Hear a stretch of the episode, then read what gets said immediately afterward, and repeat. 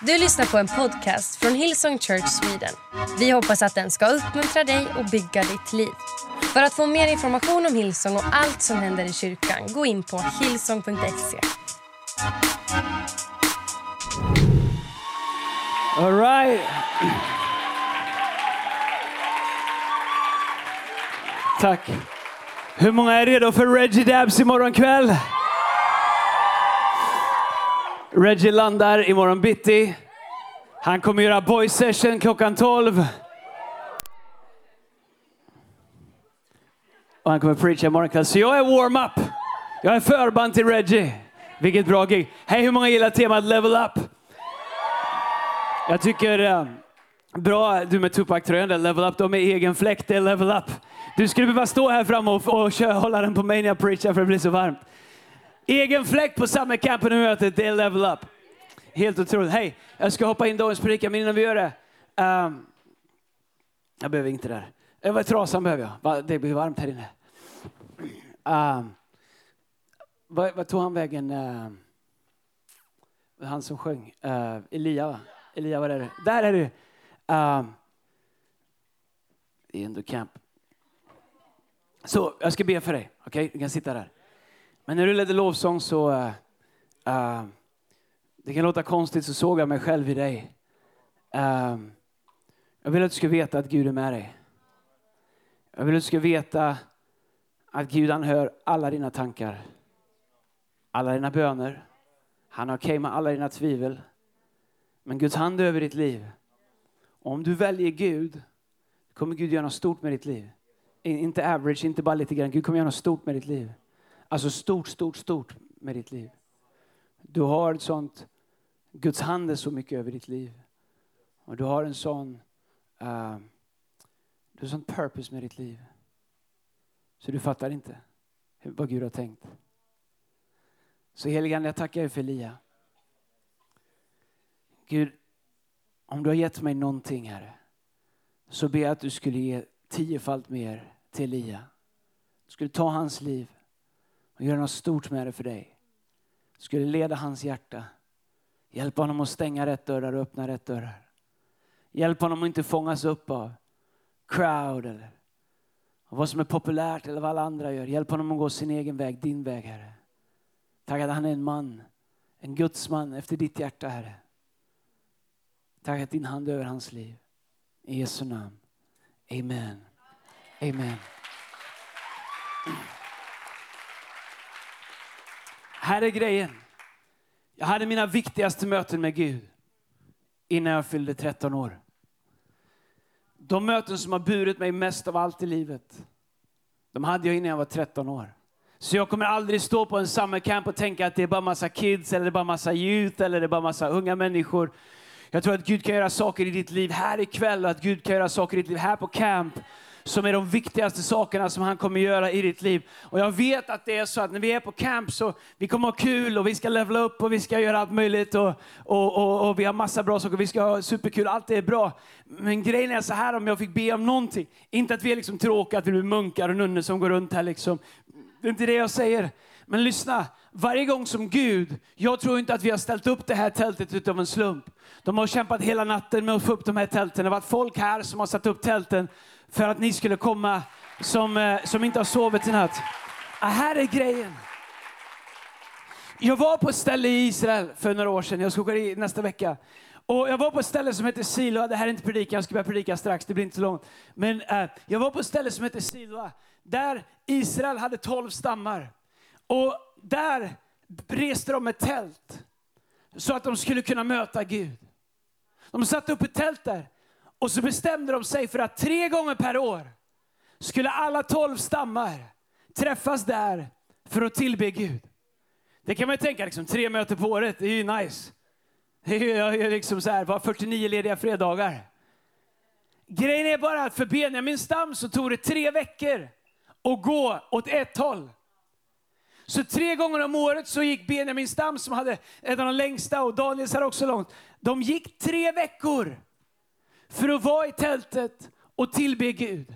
Sen gick de tre veckor hem igen. Det innebär att de gjorde det tre gånger per år. 18 veckor, eller hur? 6, 12, 18, kommer jag var inte bra i matte. 18 veckor om året så gick de för att tillbe Gud tre gånger. Överallt när man läser Bibeln så har man sett att ett tält alltid representerat en mötesplats mellan Gud och människor. Mose hade något som kallas för uppenbarelsetältet. Han gick in dit och det står i Bibeln att när Mose gick in i tältet så sänkte sig Guds härlighet över tältet så att alla kunde se att Gud var där. Och när Mose kom ut därifrån så sa folket, kan du hänga en slöja för ditt ansikte? För ditt ansikte lyser så mycket så vi kan inte se, det fanns inga solglasögon på den tiden. Kan du hänga en slöja för ditt ansikte? För du strålar så mycket av Guds närvaro, av Guds härlighet. Så att människorna, de, de fick svetsblänk, det vet inte heller vad det är.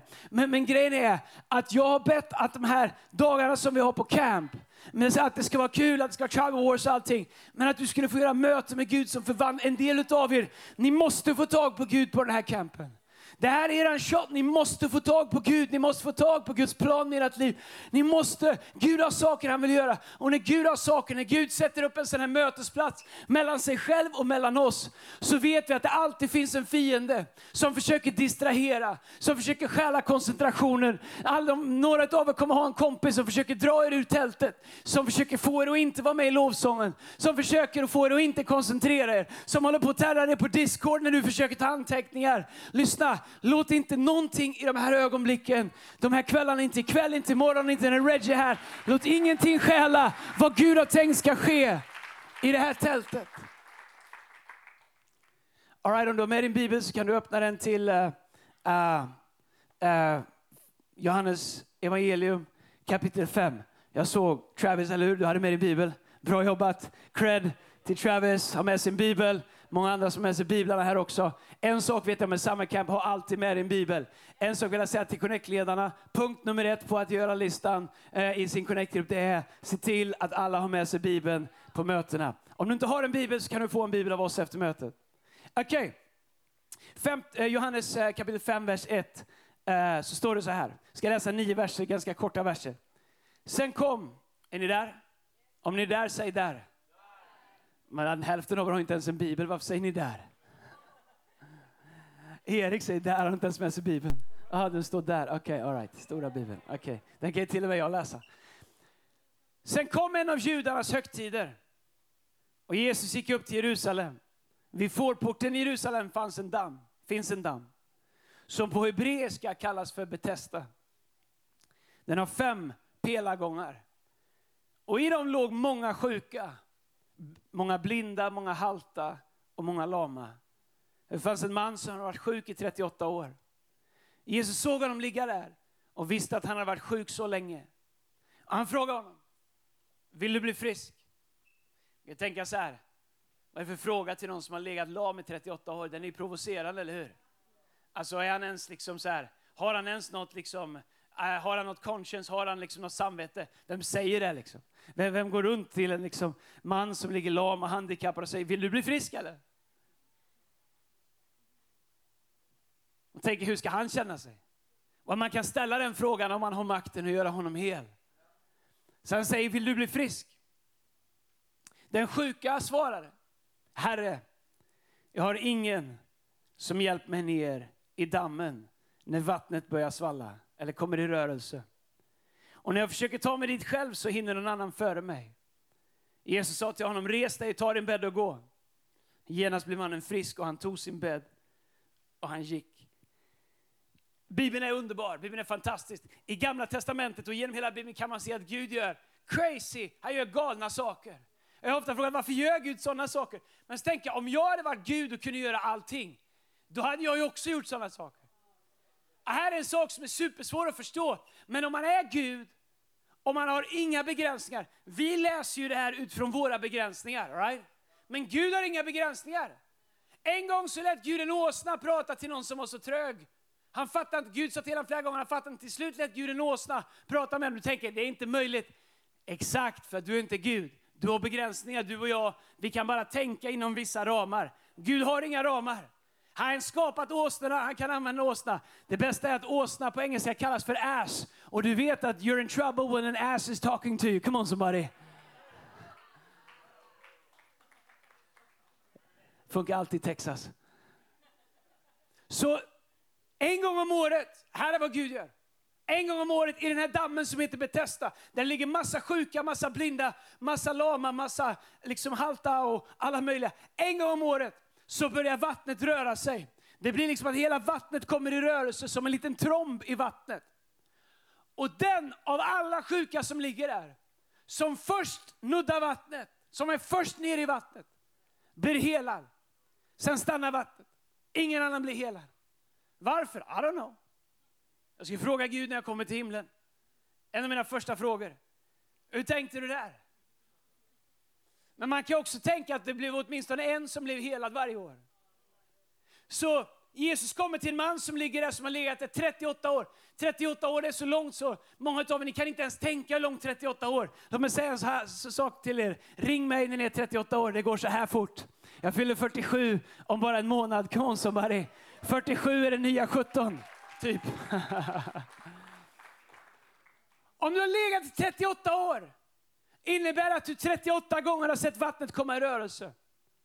Du har liksom legat, du har legat och, och laddat ett helt år för nästa år. Men om du är lam så är dina förutsättningar ganska dåliga. Du vet, så du ligger där så här, helt lam, kan inte röra dig. Och så ser du 47, du kommer se vad trögt jag kommer upp härifrån sen. För han, han ligger där helt lam, jag vet inte ens om man kan ligga på armen, han bara ligger där. Och så ser han vattnet börja röra sig. 37, 38 gånger har han liksom bara, nej, inte i år heller.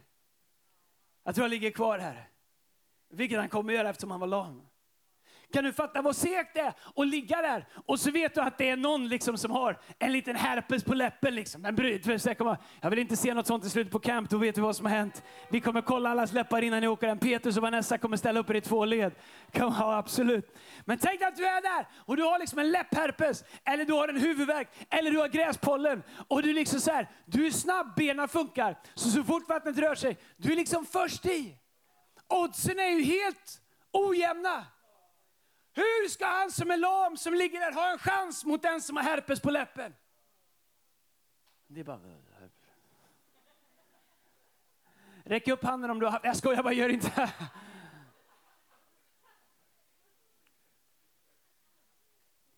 Så kommer Jesus till honom. När någonting händer under 38 år. Om du har gått i skolan någon gång. Jag inser att i ett rum som det här så finns det de som varit mobbade i skolan. Eller som har varit i en familj som, där det är bråk eller tjafs. Det som är helt onormalt när det börjar. Det som är helt sjukt, det som gör ont. Det går ganska fort tills man vänjer sig vid det som något som är normalt. Det tar inte ens 38 år.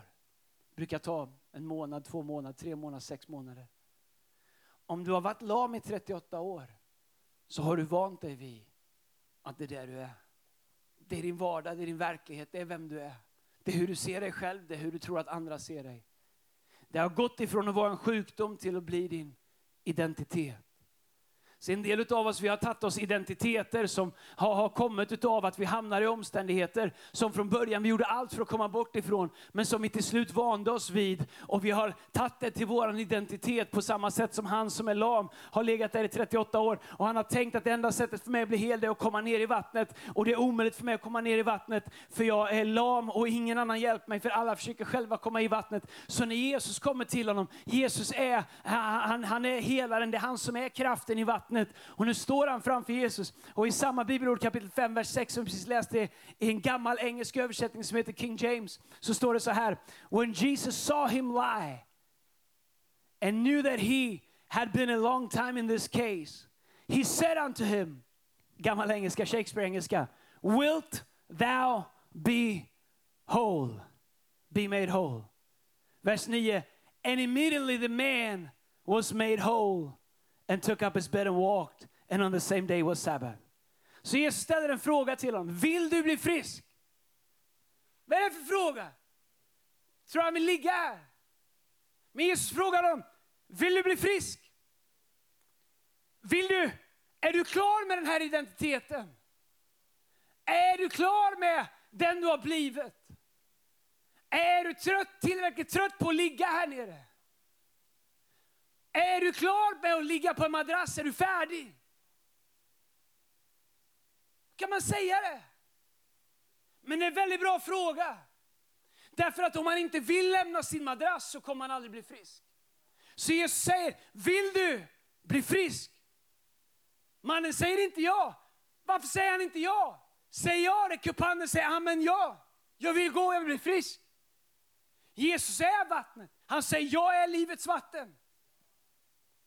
Istället så svarar mannen och säger, det går inte. Säg aldrig till Gud att det inte går. Säg till alla andra att det inte går, men säg inte till Gud att det inte går. För Gud har inga begränsningar. Gud förstår inte vad går inte betyder. Gud har aldrig provat någonting som inte funkade.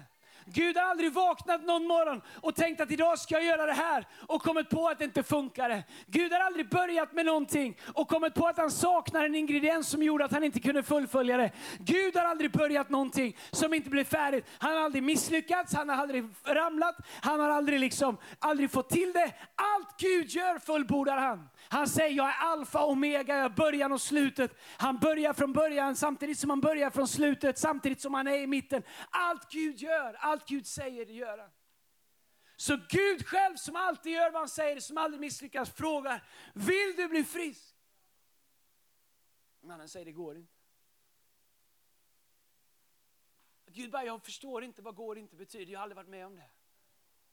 En del av det jag hör är tänker jag vet exakt vart du är på väg. Du ska prata om att jag ska byta liksom, identitet, och jag ska kasta om mina etiketter och jag ska liksom, sluta vara, liksom, må dåligt och jag ska släppa det. Absolut, jag kan ta en sväng om det om du vill. Men jag behöver att du förstår lite djupare än det. Jag vet att ni inte är heroes, jag vet att ni är, eh, är högstadiet, jag vet att det är brighta människor här som kan göra, få livsvandlande möten med Gud. Lyssna här, det du måste förstå är att Gud kommer aldrig ställa en fråga till dig som han inte har täckning för. Han kommer inte ställa en fråga och du säger ja och Gud säger vi får se om det funkar. Du förstår, om Gud säger någonting, då vet han redan. Därför att i samma ögonblick som han ställer frågan, så är Gud redan i fullbordan. Han är redan där. Gud, han är i början på miraklet, samtidigt som han är efter miraklet. Gud har inga frågetecken om det han säger är möjligt. Så när Gud säger, jag vet vilka tankar jag har för dig, nämligen fridens tankar om en framtid och ett hopp, då är det inte, jag har fridens tankar om en framtid och hopp, om det går bra och om det löser sig, om du har lite tur, om du kommer in på rätt utbildning. Gud behöver ingen tur.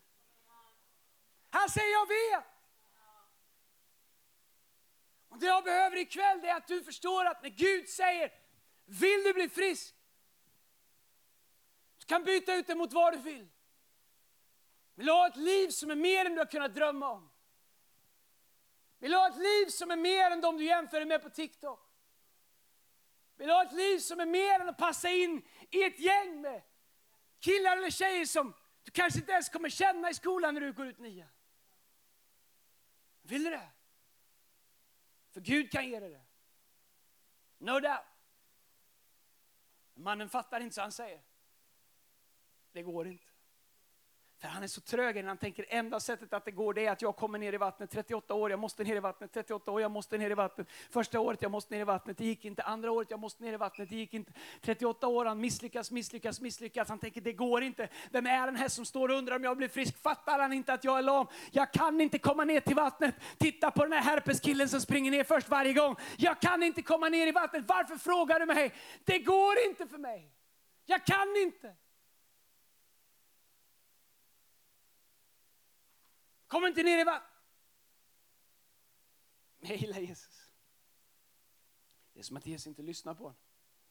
Han säger, ah, tjafs, trams. Ta din madrass, rulla ihop den där och kila iväg. Det är som att mannen bara, okej, okay, yes. Ja, då ska jag madrassen till 38 år. Det är liksom ett eget växtrike i den här madrassen. Det bor, bor liksom eh, det är liksom så här getost och mögelost och du vet så här. Och, jag har kissat på mig och skitit på mig här i 38 år för jag är lam, jag kan inte gå på toaletten men absolut jag ska ta upp madrassen. Vad ska han med madrassen till? Jag ska berätta det för alldeles strax. Men det du måste förstå är att när Gud ställer en fråga till dig och frågar vill du bli frisk? Så säger han det för att han vet att miraklet redan är färdigt. Jesus, sa att, att Jesus sa låt mig prova och se om jag kan hela dig. Ibland går det, ibland går det inte. Jag provade med någon en annan gång och det gick inte. Men idag kanske vi har tur igår. Du förstår, Jesus jobbar inte med tur. Jesus Jesus jobbar inte liksom med bättre och sämre material. Det är inte så att han säger, det här, du är lite dåligt material, dig kan inte hela. Jesus behövde ingenting från honom. Han lackade på honom, han sa, jag vill inte ens höra din otro. Jag vill inte ens höra, jag vet att du har övat det inom dig. Du har sagt saker om dig själv, du har sagt saker om din situation. Jag vet att du är fast här inne, så låt mig dra dig loss därifrån. Ställ dig upp, ta din madrass och gå. Genast, säger Bibeln, ställde sig mannen upp och gick. Han är lam. Men Jesus frågar inte om han vill kunna gå. Han frågar inte Jesus honom om han vill kunna gå. Vad vill man om man är lam? Man vill kunna gå. Vad vill man om man är hungrig? Man vill äta. Vad vill man om man är törstig? Man vill dricka. Vad vill man om man är ensam? Man vill ha en vän. Varför frågar Jesus inte om han vill gå? Vad frågar Jesus honom? Jesus frågar honom, vill du bli hel? Vill du bli hel? Vadå, är jag inte hel bara för jag är lam eller? Well. Du kommer inte ner i vattnet. Du kommer inte härifrån. På den tiden så är man dömd till ett liv i utanförskap. Ett liv som tiggare, ett liv som outcast. Så Jesus inser när han frågar honom, så frågar han inte om han vill kunna gå igen. Du förstår, du kan ha två ben som funkar superbra, men ditt hjärta kan ändå vara trasigt. Du kan kunna resa dig upp och börja gå igen. Men din ryggsäck med ditt förflutna väger lika tungt ändå. Du kan byta vänner och komma i en bättre crowd och köpa coolare kläder och, och få lite traction på sociala medier. Men din ensamhet på insidan är lika ensam ändå. Så Jesus frågar inte honom om han vill kunna gå. Det räcker inte att kunna gå. Har man legat 38 år på marken så räcker det inte att kunna gå. Vad ska jag göra? Jag har missat livet, jag kan ingenting. Jag har en identitet som en outcast, jag har en identitet som att jag inte är vad andra är. Jag har mindervärdeskomplex, jag har missat allting. Jag har inget pensionssparande, jag har ingenting. Jesus är inte intresserad bara av att få honom att gå. Jesus är intresserad av att få honom att röra sig från sin situation som han är cementerad i, från sitt sätt att tänka, från sin label, från sin etikett. Han säger, jag kan inte bara resa dig upp. Jag kan göra dig hel. Därför att helhet är inte att Gud fixar dina ben. Helhet är att Gud tar ditt hjärta från ett plats där du har varit fast. Helhet är, och jag bara önskar att någon hör vad jag säger just nu. Helhet är när Gud tar våran mind, när den är stack och Gud säger, vet du vad, du har fastnat i en tankemönster som du tror är sant. Låt mig göra dig hel, låt mig ta dig ut därifrån så att du kan se att du satt på en madrass. Du var fast i vad du trodde var hela din värld. Men låt mig visa dig hur livet är när du är hel. De flesta av oss vi ber om att kunna gå igen, när vi borde be om att få bli hela. Därför så växer upp en generation som skaffar massa saker så att de ska kunna gå bättre. Och inte förstår att det är att bli hel som är grejen. Jag struntar i om jag inte är hel, jag struntar i om jag ger bort mitt hjärta igen och igen. Jag struntar i om jag kompromissar med mina värderingar. Jag struntar i om jag inte har en standard i mitt liv. Jag, struntar, jag är beredd att göra långt mycket mer än vad jag vill för att få höra till, för att vara med, för att vara någon, för att ha status. Men jag skiter i om jag inte är hel så länge det ser ut som att jag går bra. Inte ens om jag går bra.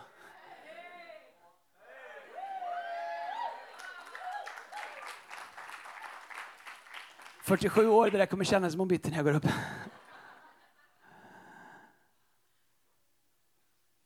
Nöjd inte med att kunna gå. Men Gud vill att du ska vara hel. Här är varför Gud frågar om det. Jag älskar den här texten, det här är min favorit. Det finns nog inget bibelställe jag predikat så mycket om som den här texten. Jag älskar den, skulle gärna predika om den varje söndag. Men det du måste förstå det är att när Gud, Jesus frågar om han vill bli hel, så mannen han ligger här, han säger, jag kan inte komma ner i vattnet. Han är begränsad i sitt sinne, han tänker, jag kan inte komma ner i vattnet. Helandet är i vattnet och jag kan inte komma dit. Så han säger till Jesus, det går inte, jag kan inte komma till vattnet. Vad är det han gör? Han, han, han, han tittar upp på Jesus som är utan begränsningar, som jag pratade om tidigare, som är helt utan begränsningar. Och så försöker han dra Jesus ner till sina egna begränsningar. De flesta av oss, vi ber böner inom ramen för våra begränsningar. Det är därför som vi ber så kassa böner. Därför att vi tänker, jag kan be en sån här bön, för den passar. Gud, hjälp mig ner i vattnet, det är min enda väg framåt. Jag måste ner till vattnet, jag måste ner till vattnet. Gud säger, jag är vattnet.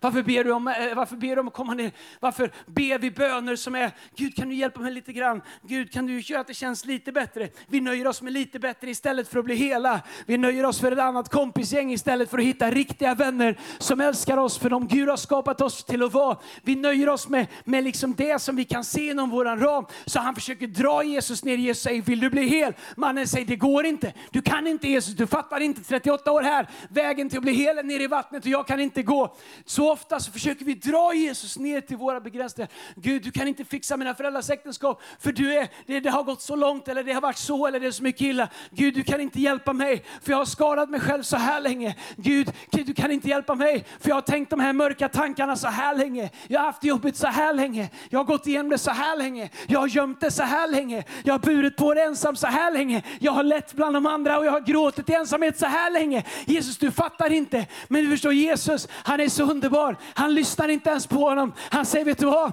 Det där kommer inte ta dig någonstans. Res dig upp, ta din madrass och gå. Och jag inser att när Jesus säger det, när han svarar den här killen, mannen, när han säger, jag har ingen som hjälper mig ner i vattnet. Blame game är ett fantastiskt sätt att missa vad Gud vill göra. Hade jag bara haft, hade jag bara vuxit upp i hade det inte varit för den där killen, hade det inte varit för den där tjejen, hade det inte varit för det där, hade det inte varit för det där. Jag har rätt att må så här för det här. Hade det inte varit för det, Gud du fattar inte, du kan inte hela mig för jag kan inte komma ner i vattnet. Blame game, det är inte mitt fel att jag är så här. Men det spelar ingen roll vems fel det är. Det enda som spelar roll är att Gud säger du behöver inte vara där längre. Men du förstår, ibland så är vi så vana med våran misär att vi använder det som en ursäkt för att gå vidare. Vi är mer rädda för friheten som vi aldrig har smakat än vad vi är liksom, och vi är, mer, vi är liksom mer trygga i vår destruktivitet än vad vi är i frihet, för vi är rädda för en frihet som vi aldrig har smakat på. En del av er är så rädda för att bli fria på insidan, för det känns osäkert. Ni är så vana med er madrass, ni är så vana med era tankar, ni är så vana med era mönster, ni är så vana och ni säger det är inte konstigt att jag är så här. Du skulle bara veta hur jag har det hemma, du skulle bara veta hur det är att vara mig. Du skulle bara veta, jag är säker på att det är tufft, men jag vet bara en sak, att Jesus Kristus, Bibeln säger att han som var högst i himlen, han lämnade sin tron i himlen. Han kom ner hit för att bli allas våran tjänare och han säger, se, jag gör gör allting nytt. Och vi kan välja på att ha ett blame game och ligga på våran madrass. Eller vi kan säga Jesus, du har sagt att du inte gör skillnad på person. Om du gjorde det för honom, då kan du göra det för mig. En del av er ni skulle bara få liksom en holy fire på insidan. Det är någonting inuti, jag längtar efter. Jag vill ha den där friheten som jag aldrig har smakat. Jag ska göra upp med rädslan för frihet. För Gud frågar, vill du bli hel? Vill du bli hel? Han gör inga halvmirakler. Han nöjer sig inte med att stötta dig så du kan stappla ner i vattnet. Han säger du behöver inte ens vattnet. Det räcker inte med att du kan gå. 38 år på en madrass have messed you up. Jag ska göra dig hel. Jag ska göra allting nytt. Men här är grejen. Jag kommer inte ens till min predikan. Här är grejen. Erik eller någon synt kan komma upp. Det mannen inte ville och inte förstod är att ibland så ligger vi kvar på våra madrasser. För vi vill inte ta ansvar. Och vi vill inte steppa upp i det liv som Gud har för oss. När jag växte upp så. Det var tufft. Det var tufft med att växa upp. Många av er har säkert haft det mycket tuffare. Vad vet jag? Men det var tufft. Min pappa var alkoholist. Kaos hemma.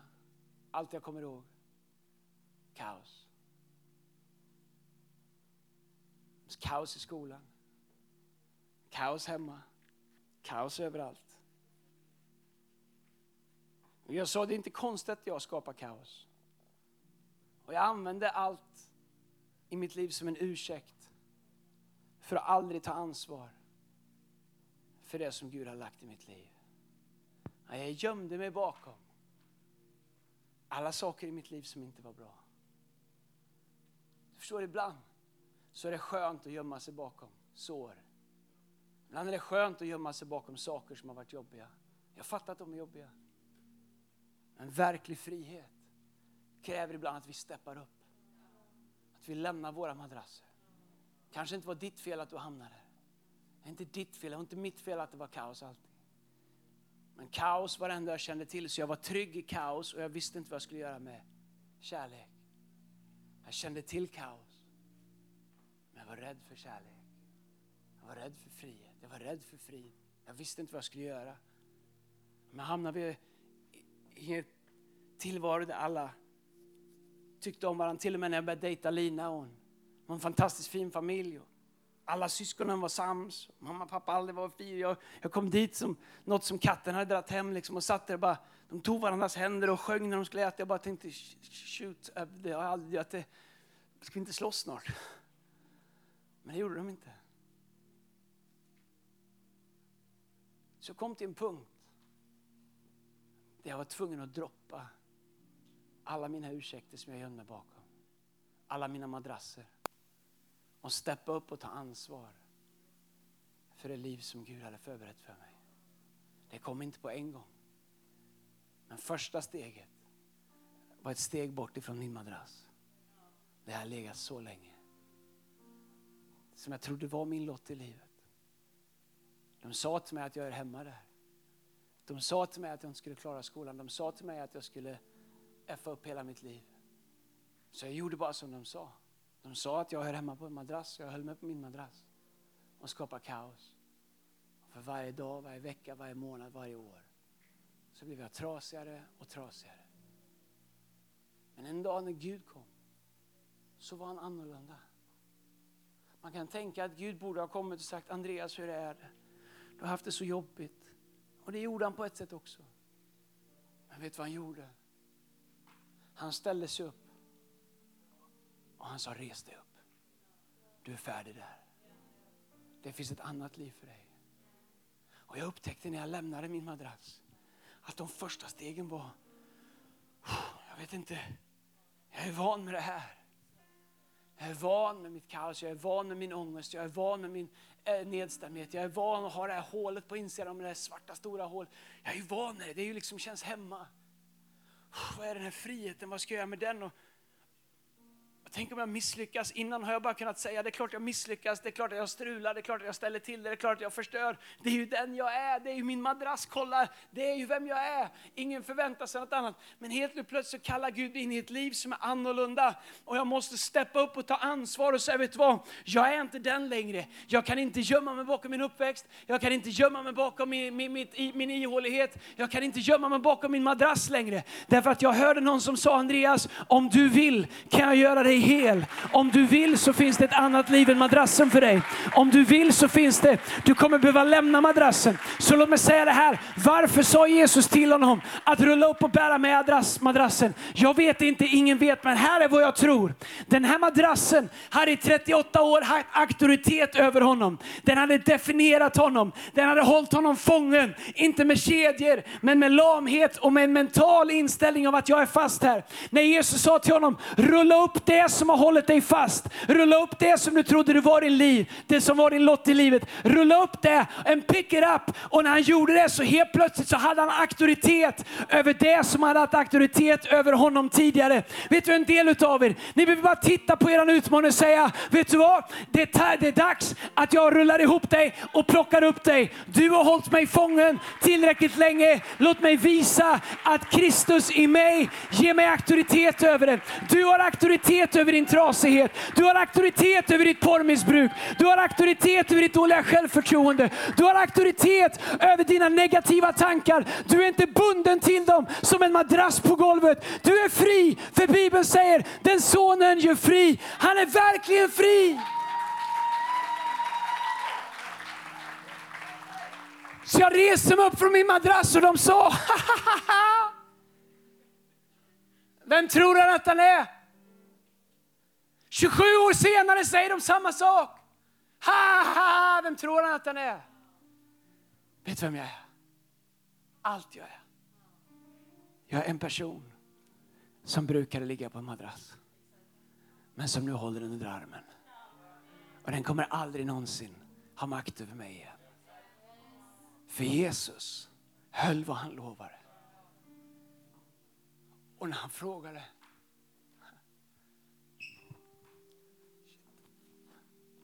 Vill du bli hel? Och jag sa ja. Så höll han vad han lovade. Han gjorde vad han sa. Det var inga games. Han jiddrade inte. Han gjorde vad han sa. Så borstade han av allt som hade samlats uppe på Och såg han guld där jag tidigare bara hade haft skuld. Om du inte hör någonting mer på den här campen så hör det här. Du kan ligga på en madrass hela livet, vad en madrassen representerar för dig. Eller du kan svara på Jesu fråga. Om du vill kan jag göra dig. TikTok kommer inte göra det. Kompisar kommer inte göra det. Faktum är att de flesta tycker det är rätt bra att du är fast på madrassen så man vet vart man har dig. De flesta av, av din omgivning kommer tycka att det är rätt okej okay att du är på madrassen för att om du är på madrassen så är du inget hot mot dem i alla fall. Då ser de inte så dåliga ut. Så vi trycker tillbaks människor på sina madrasser. För att vi inte ska känna oss så bundna, vi som vägrar lämna våra madrasser. Här ikväll så önskar jag att vi hade haft med oss riktiga madrasser. Att vi hade kunnat rulla upp våra madrasser. Och lyssna, du behöver inte ha ett tufft förflutet. Men du har det som jag har det. För att ha madrasser i ditt liv. Det kan vara dina tankar. Det kan vara ett beroende som du håller på med när ingen ser, som du tänker att jag borde sluta med. Det kan vara negativa tankar om dig själv. Det kan vara vad din inre röst säger om dig själv som du repeterar och säger om igen, om igen, om igen, om igen. Det kan vara hur du jämför dig med andra och tycker att de andra har så mycket och du har så lite. Det kan vara en sjukdom du har. Det kan vara något du har gått igenom i livet. Det kan vara att dina föräldrar skilde sig och livet inte blev som du hade tänkt. I don't know, jag vet inte vad din madrass är. Jag vet bara en sak. När Jesus frågar om du vill bli hel, då har han redan ett helande i bakfickan, redo att ta fram. För dem som är redo att steppa upp. Men det är bara för dem som är trötta på sin madrass. Det är bara för dem som är redo att göra upp med sina ursäkter. Det är bara för dem som är redo att säga, jag kommer inte skylla på min madrass längre. Jag kommer välja Kristus och friheten. Vi står upp i rummet, bevara tystnaden, bevara stillheten. Medan lovsångsteamet kommer upp.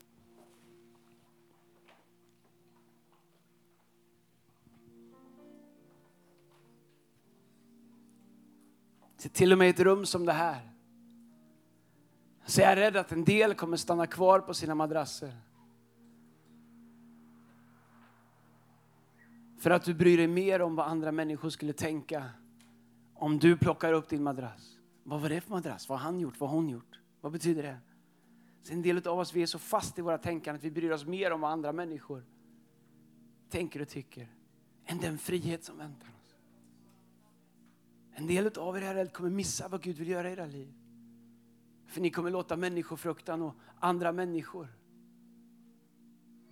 deras röster som ni hör här inne i huvudet, deras blickar. Ni kommer låta den vara starkare än Guds röst ikväll när han frågar, vill du bli hel? Så därför så är den här inbjudan bara till dem som verkligen är redo och säga jag struntar i vad ni tror.